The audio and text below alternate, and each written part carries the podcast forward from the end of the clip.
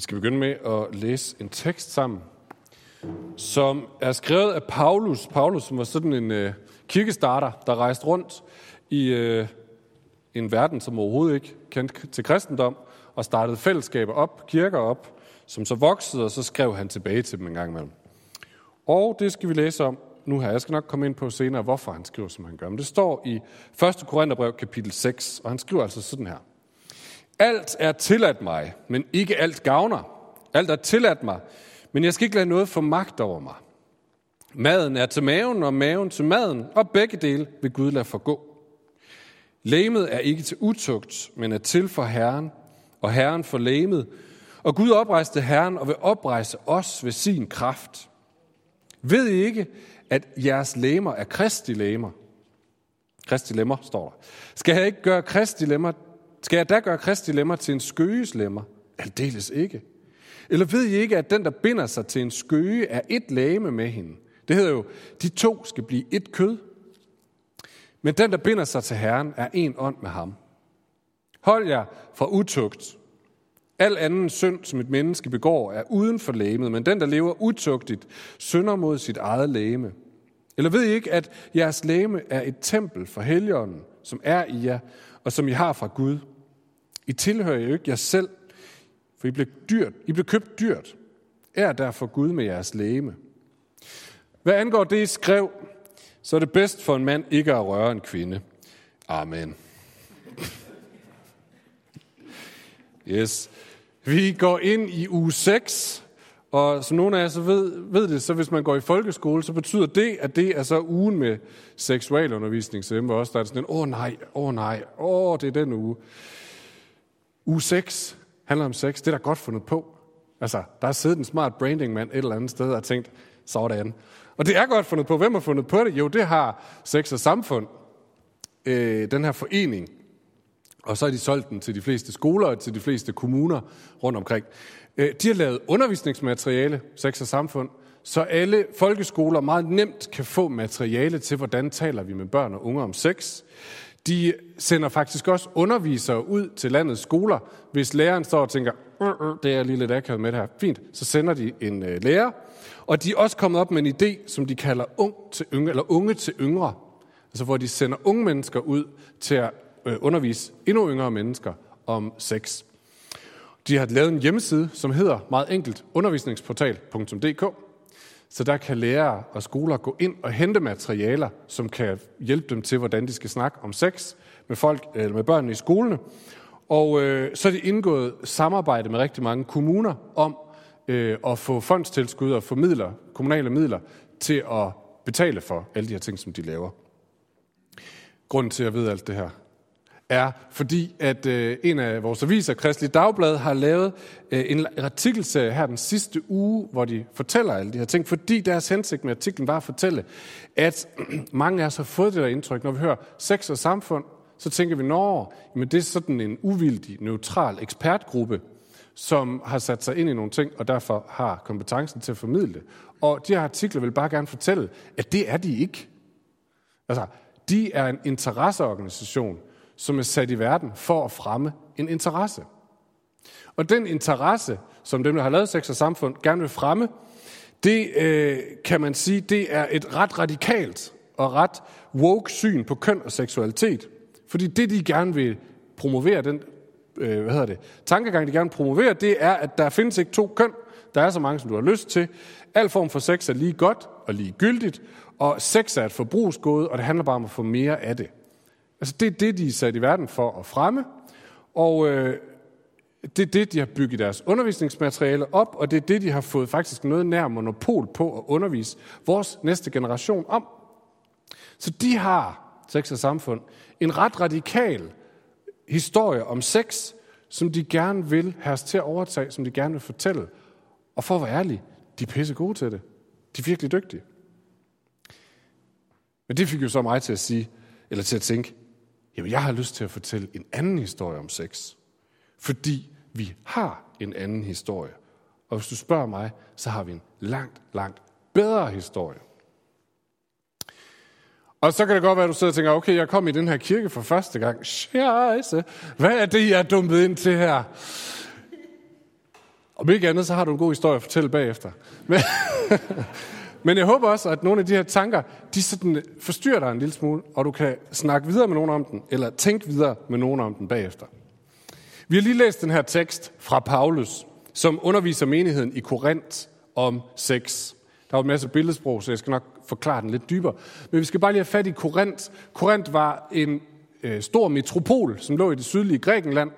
Og som alle store sådan, metropoler igennem historien, så udvikler der sig mange kulturer. Der har blandt andet udviklet sig sådan en rimelig bredt spekter af seksuelle fornøjelser i den her by. Nu var der så nogen fra den kultur, eller fra den by, som var begyndt at tro på Jesus og, begyndt, og startede en kirke. Og nu diskuterer de, når man hvad fra den her kultur omkring sex, kan vi tage med ind i kirken og vores nye liv, og hvad kan vi ikke tage med ind? Og det havde de en del diskussioner om. Og Paulus, som jo havde startet kirken, skriver og rådgiver dem i forbindelse med nogle spørgsmål, de har stillet. Øh, og lidt ligesom jeg gjorde i indledningen, så tegner Paulus øh, et billede, eller tager nogle af de gængse historier op omkring sex, og, øh, som er hersket i kulturen, som de har kendt, og så kommenterer han på det. Og det skal vi lige prøve at trække lidt frem her. Det første sådan historie eller kulturelle ting, han trækker op, kan man kalde sex er bare et behov. Sex er bare et behov. Og han skriver det sådan her, måske kan I huske det. Maden er til maven, og maven er til maden. Det fremgår ikke så godt af den danske oversættelse, men de fleste forskere er enige om, at her der refererer han som sagt bare til en talemåde, som har været gængs blandt mange i Grækenland på det her tidspunkt. Øh, det, som man også nogle steder har kaldt sådan en stoisk tilgang til seksualitet. Og den lyder cirka sådan her. Kroppen, vores krop er bare et hylster for noget meget smukkere, nemlig vores ånd. Men kroppen og ånden er to forskellige ting. Kroppen er bare et hylster, og derfor kan du gøre, hvad du vil med din krop, for den er bare et hylster. Øhm, det påvirker ikke din ånd, hvad du gør ved den. Så hvis din krop er sulten, så spis. Hvis din krop er træt, så sov. Hvis din krop har lyst til sex, så have dog sex. Øh, og ligesom det er skadeligt at lade være med at spise, så er det også skadeligt at lade være med at have sex, hvis det er det, du har behov for. Det er 2.000 år siden, Paulus skrev det her, men det lyder ikke så vældig fremmed, gør det det? Det tænker jeg, det er meget den øh, tankegang, vi møder mange steder. En af grunden, eller en af de ting, som nogle forskere mener, har været med til at løfte det frem som en tankegang i vores tidsalder, kommer tilbage fra Freud, Sigmund Freud, en af vores nok mest kendte sådan, psykoanalytikere øh, fra tilbage i starten af 1900-tallet. En af hans kongstanker var, at vi mennesker er styret af vores libido, altså vores behov for tilfredsstillelse, både på alle mulige, eller på alle mulige områder, men på, særligt på det seksuelle område. Det er det, der styrer os. Altså vores længsler, vores behov, vores drifter, og hvad han ellers kalder det. Øh, og det mest skadelige, det værste, du kan gøre, det er at undertrykke dine behov. Fordi hvis du gør det, siger Freud altså, så fører det til neuroser. Så fører det til angst, så fører det til depression, så fører det til hysteri, og hvad vi ellers har øh, af, af neuroser. Så med andre ord, hvis du er ulykkelig, så er det sandsynligvis fordi, at du begrænser dig på en eller anden måde. At der er noget, du undertrykker, som skal sættes fri. Det er jo Freud. Så det sjove er, at så vidt jeg øh, har forstået, så er de fleste forskere inden for det område i dag enige om, at Freud tog den grundlæggende fejl på det meste af det, han sagde. Det ændrer dog ikke på, at vi har holdt fast i den her tanke. Hvis du undertrykker dine behov, så skader du dig selv. Den værste synd, man kan lave i dag, det er at begrænse sig selv. Og her kommer sex selvfølgelig ind som en af de helt store behov. Altså, hvis du undertrykker dit behov for sex, så skader du dig selv. Så hvis du, hvis du føler et behov for sex af en eller anden slags, så skal du sørge for at få det, ellers så bliver du et ulykkeligt menneske. Det er en helt gængs tanke i dag. Så det er den ene ting, Paulus tog frem. Den anden ting, han tager frem, den anden tanke, han tager frem, som er gængs i kulturen, det er, at sex er noget beskidt. Øh, den har man nogle gange kaldt den epikuræiske tankegang. Det er sådan set lige meget. Jeg tror godt, vi forstår den. Sex er noget beskidt, og vi læste i det sidste, han skrev, øh, hvor han skriver sådan her, hvad angår det, I skrev, så er det ikke godt for en mand at røre en kvinde. Igen er dansk ikke helt vildt tydeligt, fordi igen de fleste forskere er enige om, at det, der egentlig grundteksten egentlig vil have frem, det er, at Paulus han citerer noget, man plejer at sige hos dem, så det er mere sådan i retning af, hvad angår det, I skrev, det her med, at det ikke er godt for en mand at røre en kvinde. Øh, så det er altså ikke noget, Paulus mener. Det er en påstand, han taler op imod. Så I kan godt ånde op, nogle af jer. Det er altså ikke, det er altså ikke Bibelens ord, øh, at det ikke er godt at røre en kvinde. Men man kunne beskrive det, omskrive det sådan her, som jeg har gjort nogle gange nu. Sex er noget beskidt, noget man helst skal undgå. Det er sådan et udtryk for sådan en dyrisk, primitiv drift hos os mennesker, som sådan bedre mennesker egentlig burde undertrykke. Det er jo nødvendigt for artens overlevelse, så vi kan jo ikke helt undgå det, men så må man altså gøre det kun med forplantning for øje, ellers ikke, og helst med lyset slukket.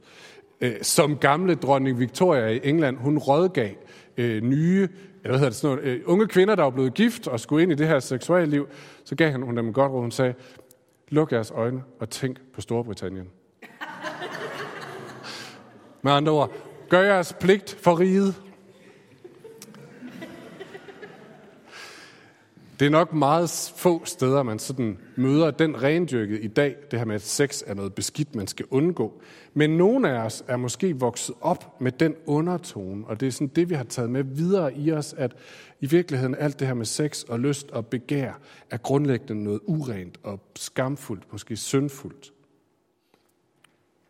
Det er også en tanke. Men det er det ikke. Og det er det, Paulus gerne vil have frem til nu. Fordi ligesom sagt, sex og samfund forsøger at fortælle en historie, som de gerne vil omvende folk til, så har Paulus også en historie, som han gerne vil fortælle. En anden historie. En historie om langt bedre sex. En historie om langt mere tilfredsstillende sex. En historie om langt dybere sex. Så dem af jer, der gerne vil være gode i sengen, I skal virkelig lytte efter nu. Nu kommer der guldkorn herfra. Øh, så er der en, en lille sidenote, jeg har lige noteret mig her. Nogle af jer sidder og tænker, åh nej, jeg vil ønske, at vi ikke skulle snakke om det her. Øh, det kan der være alle mulige grunde til. Men en af de grunde, jeg nogle gange har mødt, det er, at man tænker, jeg vil ønske, at vi ikke skulle snakke om det her, fordi jeg ved godt, at kirken har en eller anden holdning til det her, og, øh, og den også er lidt øh, anderledes end samfundets holdning. Og kan, men kan vi ikke bare lade være med at have en holdning? Kan vi ikke bare lade være med at blande os i det her? Øh, måske fordi det har betydning for nogle af vores venner, måske fordi det har betydning for nogle af vores børn, måske fordi det betyder for vores kolleger, måske fordi det, det har en betydning for os selv. Kan vi ikke bare holde os ud af det? Men det kan vi ikke, og det skal vi ikke, for så snyder vi os selv, og så snyder vi hinanden. Fordi der ligger så meget glemt eller uopdaget visdom her, som rigtig mange af os, uanset om vi er gamle eller unge, måske aldrig rigtig har fanget eller fået fat i. Det eneste, vi tænker, det er, at Gud oh nej, han, er sådan en, der, han er sådan en, der sætter grænser for at være træls. Gud er sådan en, der begrænser det, der er sjovt. Det sjove, det fede liv, det ligger uden for Guds grænser. Når man kommer hen til Gud, så er det bare nederen. Måske tænker vi, vi, vi kender godt holdningerne, men vi har egentlig ikke nogen gode argumenter. Men der er masser. Og venner, der er virkelig, altså, vi har et samfund, der løber og springer i alle mulige retninger for at finde den gode vej, og den er lige her. Nu skal vi have fat i den. Og egentlig så burde vi bruge mange timer her. Men bare rolig. Selvom det er min fødselsdag, så tillader jeg mig alligevel ikke at gøre det. Og vi er allerede et godt stykke ind i det her. Måske skal nogen nedsætte en studiegruppe, som kan arbejde med det her bagefter. Øh, I behøver ikke række hånden op, hvis I har lyst til at være med, men I kan jo samles dernede bagefter. Øhm, vi bliver nødt til at gøre det lidt kort, skære det lidt skarpt, med en risiko for at forsimple nogle ting. Øh, men det gør vi altså for at komme igennem. Så Ifølge en fyr, der hedder Timothy Keller, som er præst i New York, eller var præst på Manhattan i New York, øh, så kan vi skære Bibelens tale om sex ind til sådan to enkle sætninger. Og man kan beskrive det sådan her. Ingen sex uden pakter, og ingen pakter uden sex. Ingen sex uden pakter, ingen pakter uden sex. Så lad os begynde med den første. Ingen sex uden pakter. Som vi kort så på det lige før, så kan man sige, at den gældende holdning i dag, det er, at sex det er et behov på linje med mad og søvn. Det er det, sex og samfund gerne vil have os til at tro. Det var det, Sigmund Freud sagde. Så hvis du har lyst til sex, så have sex. Hvis din appetit ændrer sig, så skal du bare følge med. Øh, der er en, jeg engang læste, der har sammenlignet det med en buffet. Hvis du er blevet træt af rejesalaten, så gå over til kartoffelmosen i stedet for og du skal bare, du skal, man kan sige, den lette adgang til porno i dag har virkelig åbnet døren for, at du kan bare få lyst til dig, og du kan bare øh, gå i alle retninger med lysten som din guide.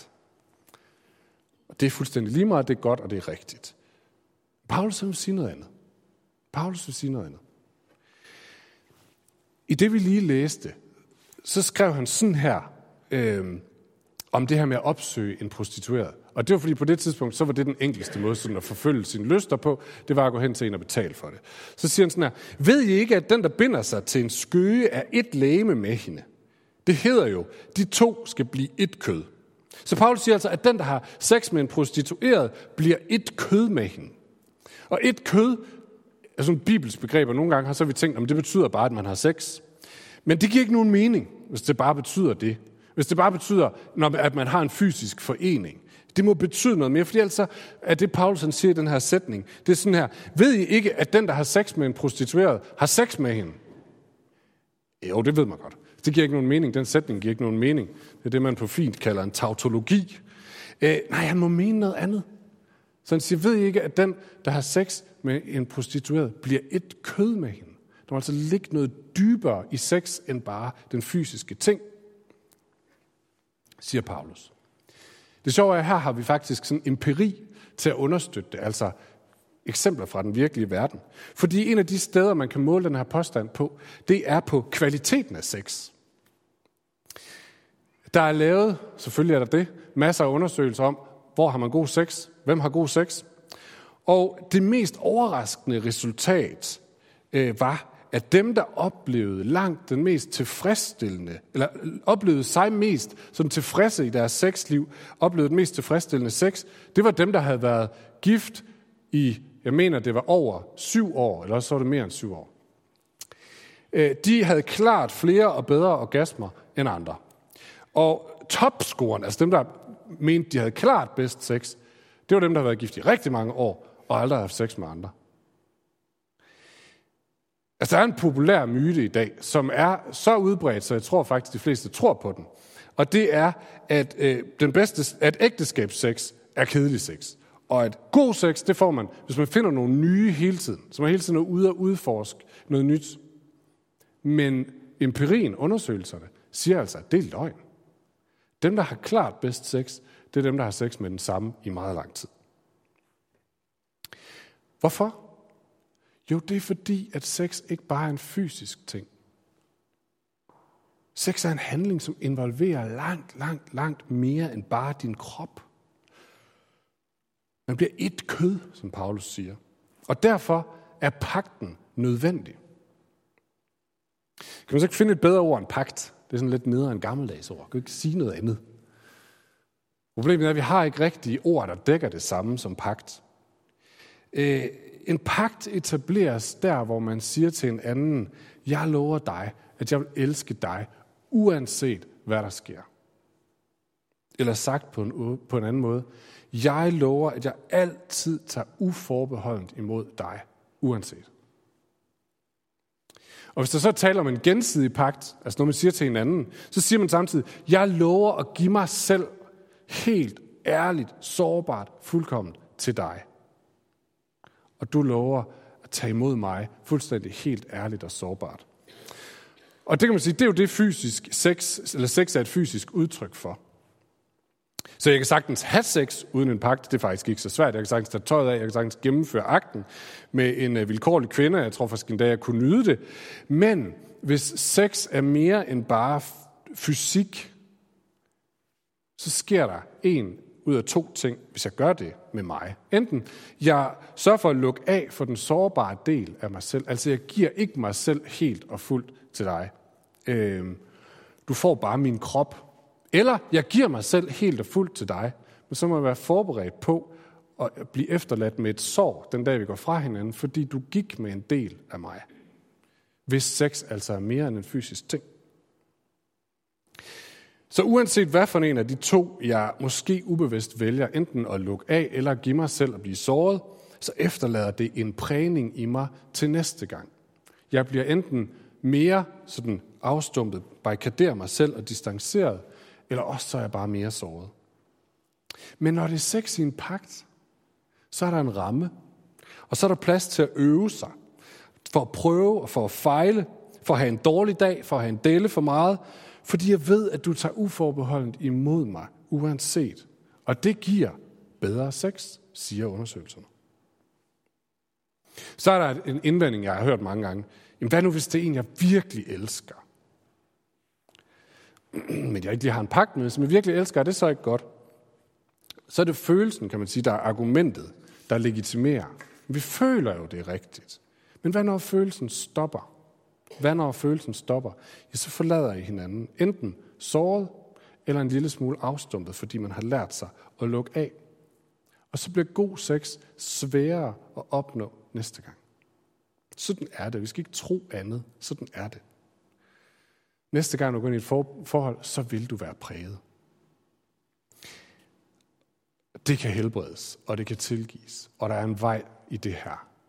Og inden gudstjenesten var der faktisk en, som blev mindet om, at i dag skulle vi måske opfordre, ikke på grund af temaet, men opfordre til at gå til forbøn, hvis man har brug for helbredelse. Det kan være for det her, for sår, for ar, for, for mærker på sjælen.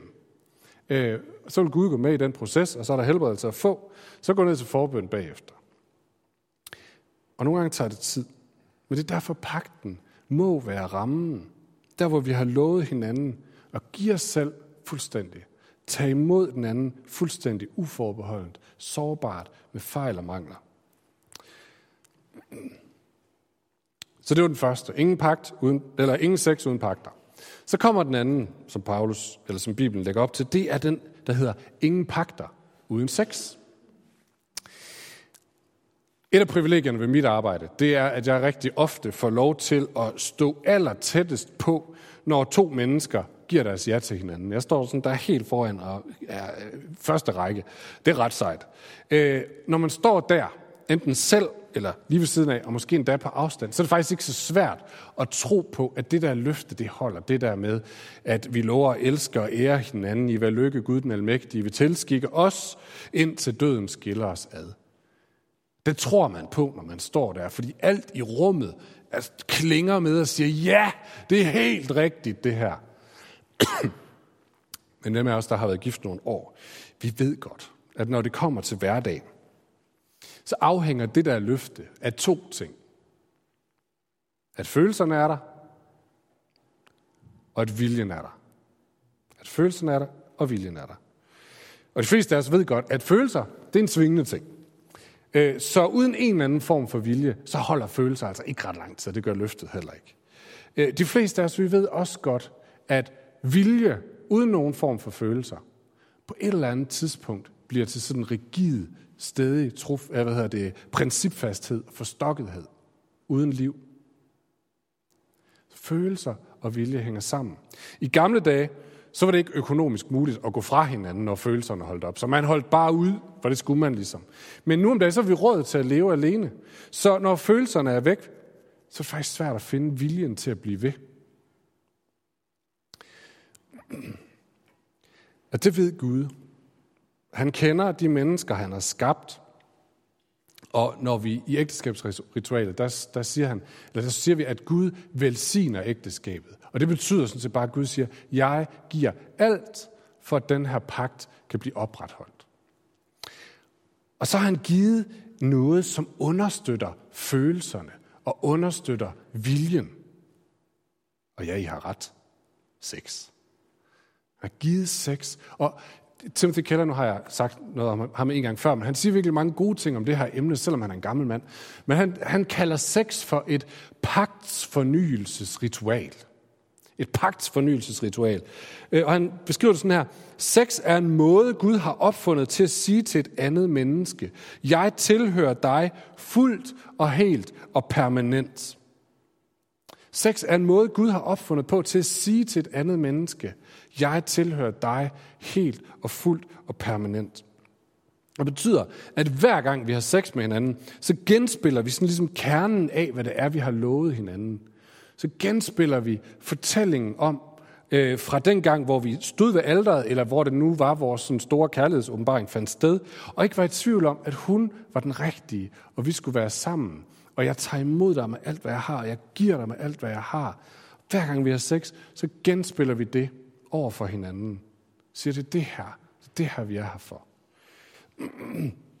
Så med vores kroppe, så siger vi det, som vores mund er blevet for træt til at sige mere. Du er min, jeg er din. Pagts fornyelsesritual. Og prøv at det er derfor, at i sådan et stresset samfund som vores, så går forhold i stykker, fordi der er en ting, der er videnskabeligt bevis. Stress ødelægger sexlyst.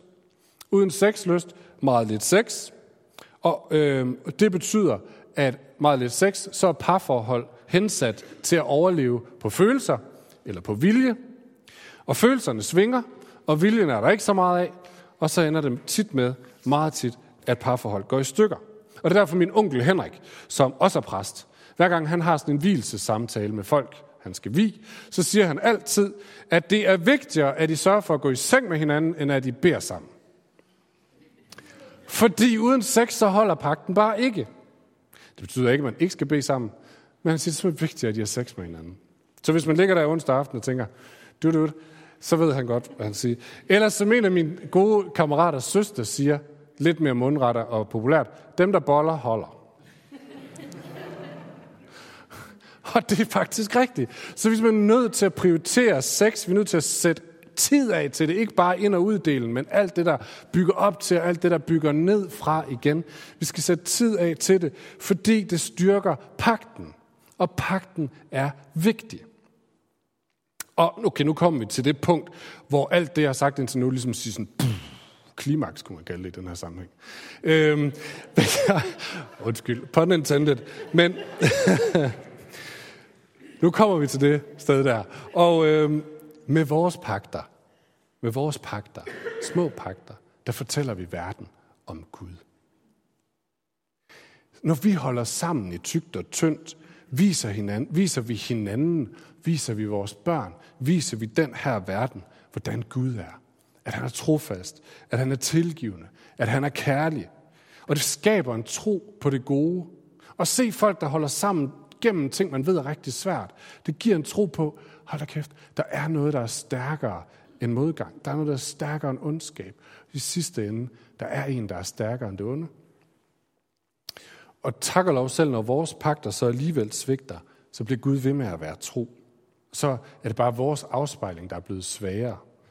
Fordi dybest set er det ham, der er pagtsmesteren her. Det er ham, der har indgået en pagt med os, hvor han siger, min ven, jeg tager imod dig.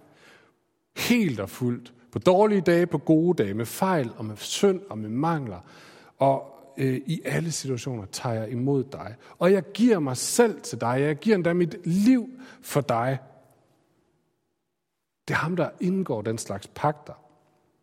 Og det er den pagt, den store pagt, som kan få os fejlbarlige mennesker, som har lortdage, og som ikke formår alt det, vi gerne vil, og alligevel bliver elsket.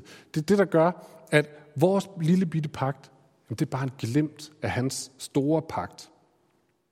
Og nu kommer der et, endnu en af de her sådan, boom, ting.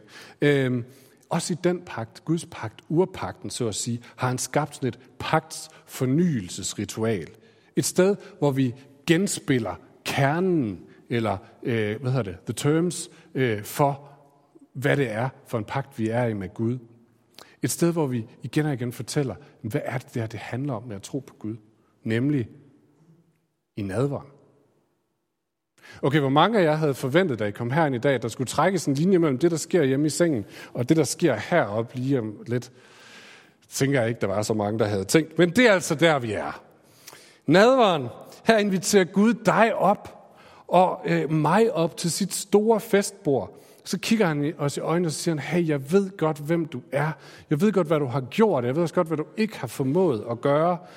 Og øh, jeg tager imod dig fuldstændig, som du er igen. Jeg giver mig selv endda mit liv for dig. Jeg kommer ikke til at fordømme dig. Jeg kommer ikke til at forlade dig. Jeg er her, fordi jeg elsker dig. Uge efter uge genspiller vi vilkårene for det der med at tro på Gud. Det er sådan et forhold, sådan en pagt, vi har med vores himmelske far. Og nadveren minder os om det, hvor vi modtager hans brød og hans vin, hans læmer, hans blod, hans død og hans opstandelse. Genspiller vi øh, indholdet, kernen i det. Så nadvaren minder os om det. Det styrker pakten, ligesom sex styrker ægteskabet.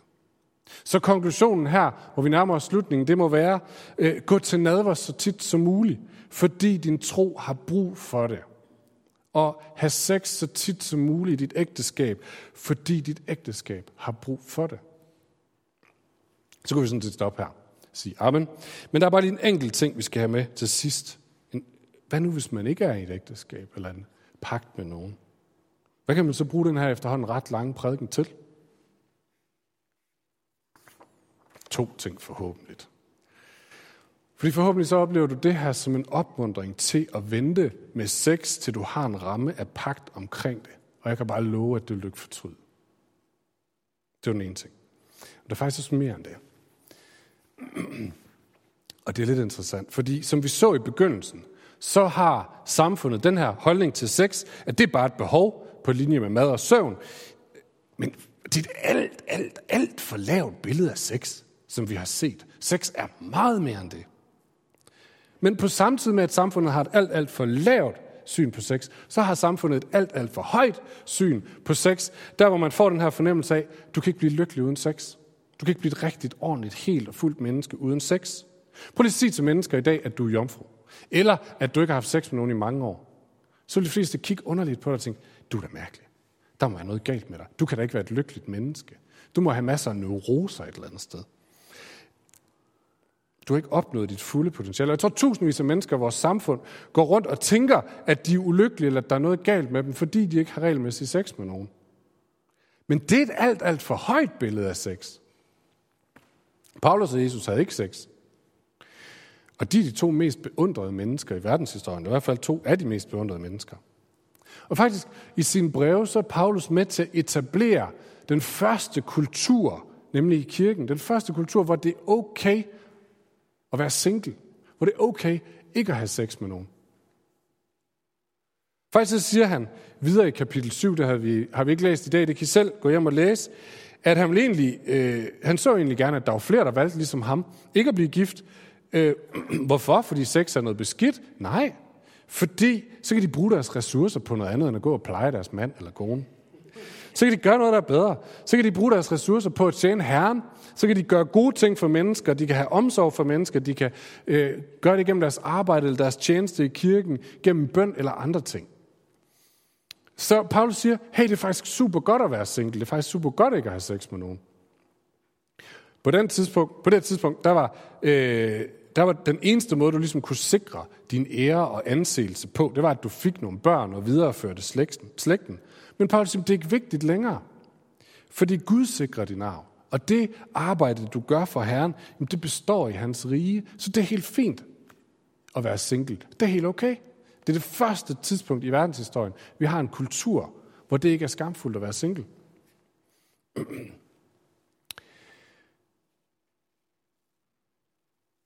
Og det er der, det slutter, hvor Paulus øh, snakker om, øh, altså hvor Paulus etablerer en kultur, hvor, øh, nu skal jeg lige sammen tråden op her, hvor, som peger frem mod det, som alle, vi alle sammen venter på nemlig det himmelske ægteskab. At vores pagt med Gud skal fuldbyrdes. Det er Bibelens billede af, hvordan det bliver på den nye jord. Det er billedet af et ægteskab, billedet af en pagt, billedet af, at vi skal forenes med Gud. Og det er det, vi er skabt til. Vores jordiske ægteskaber på deres bedste dage er bare et glimt af, hvad det er, vi er skabt til hos ham. Øh, og Derfor venter vi alle på det, uanset om vi er i en pagt eller ikke er i en pagt, så venter vi på det, som skal blive den langt større og langt bedre pagt, som ingen jordiske pagter nogensinde vil kunne give os. Og der skal den fulde tilfredsstillelse opnås. Det er det, vi sigter hen imod. Det er det, der er Guds løfte til os. Det er Bibelens historie om sex. Den er meget forskellig fra meget af det, samfundet siger. Det er en helt anden historie om sex. Men hvis du spørger mig, så er det en langt, langt bedre fortælling om sex. Lad os slutte med at bede.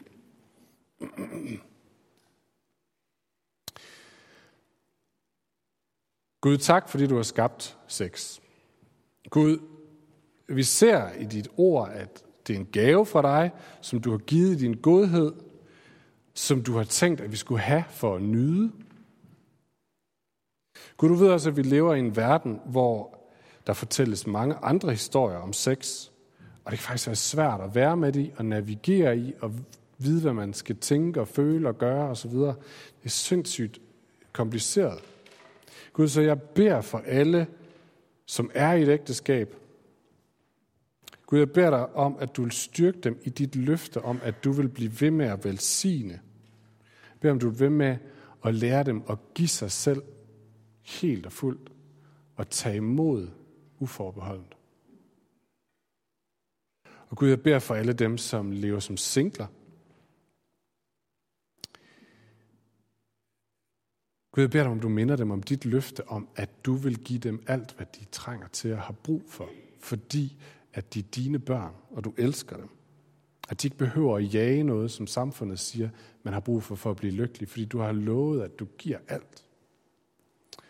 Og Gud, så beder jeg for alle os, som kæmper med sex, eller er såret af sex på den ene eller den anden måde, øh, og står midt i en hel masse dybe følelser, dybe længsler, dybe sår. Gud, jeg beder om, at du minder os om, at du er den store læge, du er den gode far, du er den omsorgsfulde Gud, som har set alt, som kender alt, som ikke vender ryggen til, ikke lader dig skræmme, men som er for at helbrede, for at tilgive, for at genoprette, for at skabe noget smukt, noget nyt og noget godt. Gud, jeg beder om, at vi ikke må få et billede af dig som en sur og skrab dommer, som forsøger at holde os væk fra det gode. Vi beder om, at vi må se hos dig, der er det gode.